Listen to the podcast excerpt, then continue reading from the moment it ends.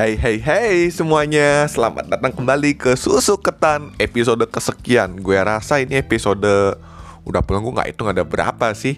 Um, Kondisi saat ini ya Mungkin kondisi saat ini bikin kita lagi gak happy. Nah Gue lagi kepikiran pengen bikin topik soal Your level of happiness. So today gue pengen banyak cerita ke teman-teman Dan juga kita banyak sharing-sharing ya.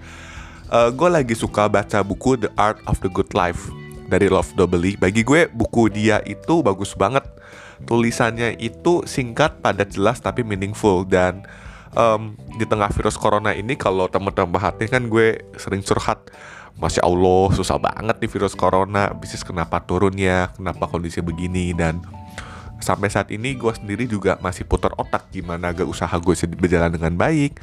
Belum lagi harus bayar orang sedangkan diri belum gajian, orang utang belum bayar dan ini menguji banget soal my level of happiness. Jadi gue yakin untuk mencari damai saat ini tuh susah banget. Gue pengen mulai dari cerita gue sendiri. Dulu saat diri gue keluar dari DPR dan gue ngerintis usaha, dapat uang satu juta itu susah. Tapi dapat satu juta itu enak. Rasanya susah tapi enak, bingung kan? Susah karena emang carinya susah. Namanya mulai usaha kan? Enak karena gue baru pertama kali ngerasain yang namanya freedom. Kalau biasa orang pergi kantor kerja ini sekarang gue lagi ngerintis usaha sendiri sendiri. Even though gue baru dapet satu juta. Rasanya dulu dapet duit itu meskipun kecil itu happy banget coy. Tapi semakin ke sini dapet uang gede uang puluhan juta dipikir-pikir lagi, dipikir-pikir lagi, kok rasa sukacita itu nggak ada ya? Dan pas gue lagi baca buku Love Doubly, ada satu istilah yang menarik. So, ada hukum namanya diminishing of marginal utility. So, intinya begini teman-teman. Bayangin ya, kita mencontoh kasus misalnya nih, gue lagi di padang gurun, gue lagi kehausan ceritanya gue yakin sebagai orang yang punya rasa haus mendapatkan air itu berharga banget. Ya iyalah lo di gurun habis itu keringetan nggak bisa minum dan lo dapet air. Rasanya air itu tuh kayak surga banget. Tapi bayangin misalnya kalau kita sudah dapat sumber air dan kita minum kedua kali ketiga kali keempat kali gua rasa rasa kita menghargai air yang kita dapat itu terus berkurang terus berkurang dan terus berkurang. Jadi bagi gue ini hal yang bener banget yang buku ini bilang sih. Dalam artian begini. Seringkali kita suka take things for granted. Contohnya gue ngerasain banget ternyata pas akhir ini di rumah ternyata even though gue punya pandangan yang buruk soal orang tua gue tapi ternyata orang tua gue tuh baik banget. Tiap hari masak, tiap hari konsisten dan umur gue saat ini 27 men, 27 dan pastinya gue mikir eh, gue harus punya keluarga. Dan setelah gue liat orang tua gue meskipun mereka melakukan hal yang sama setiap hari ternyata gue nggak bersyukur. Gue bersungut-sungut dan gue nggak melakukan bagian gue nah sebagai orang yang sudah dapat penghasilan harusnya kita bisa memberikan lebih kepada orang tua kita. Uh, itu kalau pernah personal gue dan ternyata gue teknis for granted. Kenapa? Karena tiap hari gue ada kecil disediain makanan sama orang tua gue kok. Kenapa gue harus khawatir Nah, rasa-rasa seperti itu tuh kadang-kadang suka salah coy. Kita sering kali nggak menghargai apa yang udah kita dapat begitu. Nah, bagi gue, uh, virus corona ini mengajarkan gue untuk gue bersyukur. Bersyukur dalam artinya begini, dulu gue dapet duit satu juta susah usaha sendiri. Dulu pas bikin partner sama orang susah. Akhirnya bubar usaha gue dan gue partner sama orang lain lagi. Nah sampai di poin ini, gue punya staff, tim gue berlapan bersembilan orang udah ada orang yang ngejan accounting, ada orang yang ada GM-nya, ada orang ngurus produksinya. Kenapa gue rasa sekarang rasa sukacita gue itu lebih gak ada dibanding saat dulu gue cuma punya satu juta. Yes, memang beda tantangannya sekarang sih. Ya, uh, semakin banyak klien, semakin banyak tuntutan. Semakin banyak tuntutan, belum lagi gue juga punya cicilan investasi yang harus gue bayar setiap bulan. Belum lagi harus bayar listrik, air, dan wow itu nggak gampang tapi setelah dipikir-pikir seharusnya gue bersyukur berarti gue dikasih kapasitas untuk lewatin ini dan kalau kita ngomongin soal uang gue yakin uang itu relatif uang itu relatif Bagi beberapa orang 4 juta itu termasuk besar, tapi bagi beberapa orang 4 juta mah kecil. Tetapi sering kali kita nggak menghargai hal-hal kecil yang ada di kehidupan kita. Makanya kita jadi nggak happy. Uh, gue yakin di corona ini bukan cuma gue yang susah.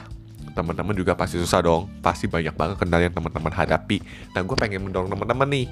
Mungkin kita sering kali harus melihat hal-hal simple dan kita syukuri sama hal itu. Dan saat ini kita bisa belajar kalau sering kali kita compare.